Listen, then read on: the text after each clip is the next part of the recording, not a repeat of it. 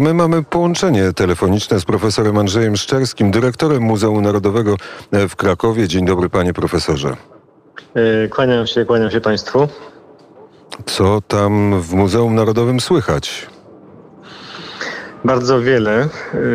Trwają w tej chwili e, dwie duże wystawy czasowe, bardzo dobrze przyjęte w lecie przez naszą publiczność a zaledwie dwa miesiące trwają jeszcze, każda z nich potrwa kilka. Wystawa poświęcona polskim stylom narodowym przełomu XIX i XX wieku, która otwiera cykl wystaw o polskiej nowoczesności. Pokazujemy, jak poszukiwano stylów narodowych w oparciu o tradycję y, szlachecką, tradycję ludową, jak jednocześnie odwoływano się do haseł nowoczesności. I druga wystawa, y, znakomita grafika japońska Hokusaya, ze zbiorów podarowanych nam przed wielu laty przez Feliksa Mangę Jasińskiego, zaaranżowana jak japoński ogród, e, rewelacyjna architektura wystawy. Mm, to są nasze dwie główne wystawy w tej chwili, które proponujemy. I mamy mnóstwo mniejszych, ale naprawdę wyrafinowanych wystaw. W pawilonie Józefa Czapskiego pokaz jego obrazów z kolekcji prywatnej Skórozwęg fantastyczne malarstwo.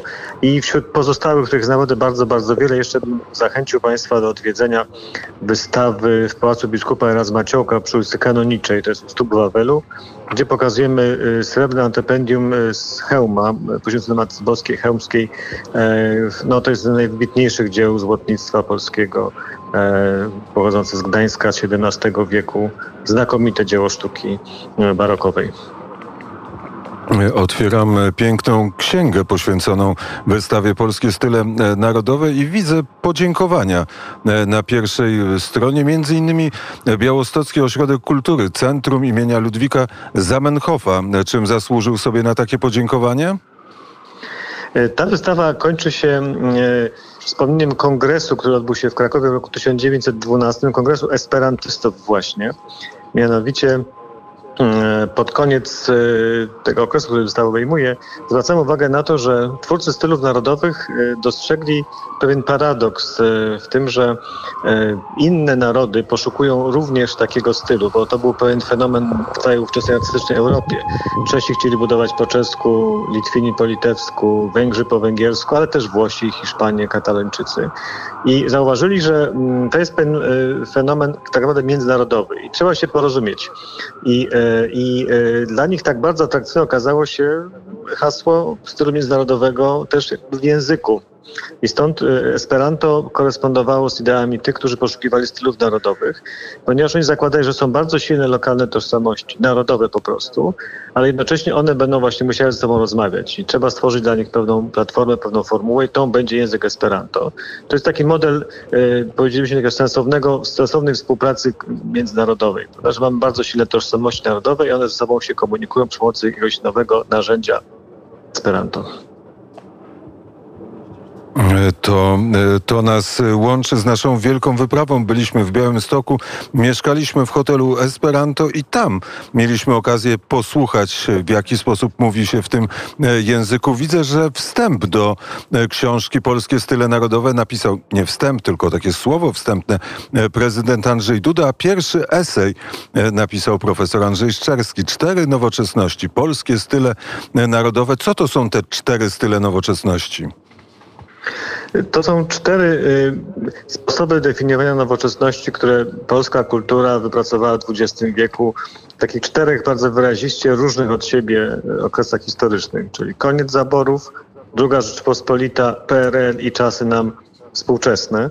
E, I z jednej strony pokazując w jakimś sensie niedokończony projekt nowoczesności w każdym z tych okresów, a właściwie może inne akcenty, które były tam e, istotne, pokazujemy pewną stałą e, ciągłość, stałe powracanie tego hasła chcemy być nowocześni w kulturze polskiej XX wieku, które moim zdaniem, i o tym piszę właśnie w eseju, jest wciąż traktowane z pewnym e, ostrożnością w kulturze polskiej, tak to powiedzmy, a tymczasem uważam, że ona, ten fenomen nowoczesności definiowanej według e, naszej tradycji, czy korespondującej z, z polską specyfiką kulturową, to jest jeden z elementów polskiej tożsamości, równie istotny jak e, literatura romantyczna, tradycje sarmackie. To jest po prostu coś, co buduje współczesną Polskę i my chcemy na tych wystawach pokazywać właśnie takie nowoczesności, które się działy w XX-XXI wieku, jak one nas ukształtowały dzisiaj. A ten XXI wiek jest reprezentowany przez kogo? To będzie dopiero wystawa w roku 2024, więc na nią jeszcze pracujemy, ale z pewnością będzie on reprezentowany przez architekturę współczesną, projektowanie, także sztuki wizualne, film, fotografię. Nas interesuje w tym cyklu wystaw zwracanie uwagi na to, jak nowoczesność nie kłóci się z tradycją czyli jest tą nowoczesnością, która wyrasta z bardzo konkretnej kulturowej ciągłości. I na to zwracamy uwagę również w sztuce współczesnej. I jest taka sztuka współczesna, która potrafi te historyczne wzorce interpretować na nowo i je aktualizować. I taka nas będzie interesować. A jakie nazwiska pan profesor śledzi w tej e, współczesnych e, dziedzinach sztuki, w architekturze, w malarstwie e, czy w poezji i literaturze?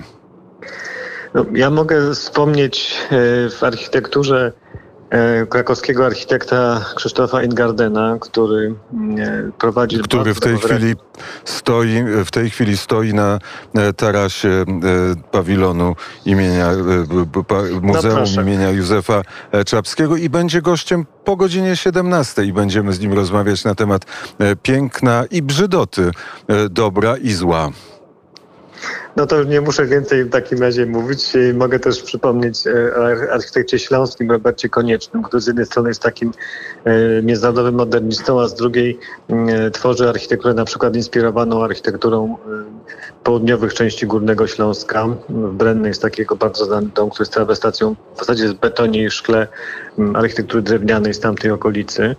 Więc to jest, to jest taki przykład dość oczywisty. No mamy w całej poezji współczesnej Krzysztof Keller, który być może też będzie dzisiaj gościem Państwa, już tak szukając krakowskich kontekstów. To też jest człowiek, który e, wywodzi się z swojej poezji, z, z poezji jeszcze sarmackiej, ale też z całej tej tradycji herbertowskiej XX wieku. E, więc to też jest taka aktualizacja tradycji w nowoczesności, bardzo wykwintna, wyrafinowana poezja. Myślę, że w malarstwie ja bardzo lubię pokazywać e, malarstwo Marcina Maciejowskiego, który jest chyba najlepszym polskim malarzem, który e, jest, jest malarzem figuratywnym. E, ma wielką kulturę malarską, która wywodzi się z tej szkoły krakowskiej malarskiej, a jednocześnie no, mówi i komentuje bardzo czasami ironicznie, ale też bardzo mądrze współczesną rzeczywistość. Więc takich twórców na pewno można dzisiaj wskazać. Czy e, coś na e, sezon jesienno-zimowy e, przygotowuje Muzeum Narodowe w Krakowie? Coś tak, nowego. Mamy nowe, mamy nowe e, propozycje. E, ten rok, e, końcówka jest dość niezwykła, ponieważ ona jest de facto kumulacją wydarzeń z dwóch lat. Jak wiemy, tamten rok był zupełnie e, nie tak, jak się spodziewaliśmy i na ten rok się e, zostały przeniesione otwarcia e, stałych galerii, na które zapraszamy, w tym przede wszystkim Galerii Sztuki Polskiej XX-XXI wieku. My w tym roku wyraźnie akcentujemy ten zwrot naszych zainteresowań w w kierunku właśnie sztuki ostatnich 150-200 lat. Ta galeria zostanie otwarta w gmachu głównym na drugim piętrze. To jest ponad 3000 metrów kwadratowych stałej ekspozycji najlepszych prac polskich od przełomu XIX-XX wieku po współczesność, a y, późną jesienią, już właściwie w grudniu, na początku będziemy otwierali mm, stałą ekspozycję Stanisława Wyspiańskiego w dawnym gmachu Europeum, też znanym w Krakowie jako Spichlerz przy placu Sikorskiego, nie, niedaleko od pawilonu czapskiego. E, to jest wybór e, kilkudziesięciu prac e, znaczących, takich wielkoformatowych i, no ponad setki prac graficznych Wyspiańskiego. Będzie dla niego osobny taki przepiękny budynek poświęcony i jednocześnie w Kamienicy Szołajskiej przy Placu Szczepańskim blisko rynku stała galeria designu i architektury polskiej XX i XXI wieku. To jest zupełna nowość. Nigdy takiej galerii jeszcze nie było w Krakowie, e, tym bardziej w Muzeum Narodowym w Krakowie. Chcemy otworzyć je też na zupełnie inną e, publiczność, inną skalę problematyki, żeby nasze muzeum nie było tylko Muzeum Sztuk Pięknych, ale też e, pokazywało w kontekście sztuk pięknych architekturę i współczesne projektowanie. A jak pan profesor odróżnia to, co piękne od tego, co brzydkie? Ja patrzę na bardzo tradycyjną definicję piękna, czyli tak opiera się o kanon, o harmonię, o proporcje, o mm, dekorum, czyli odpowiedniość środków do treści, które chce się przekazywać.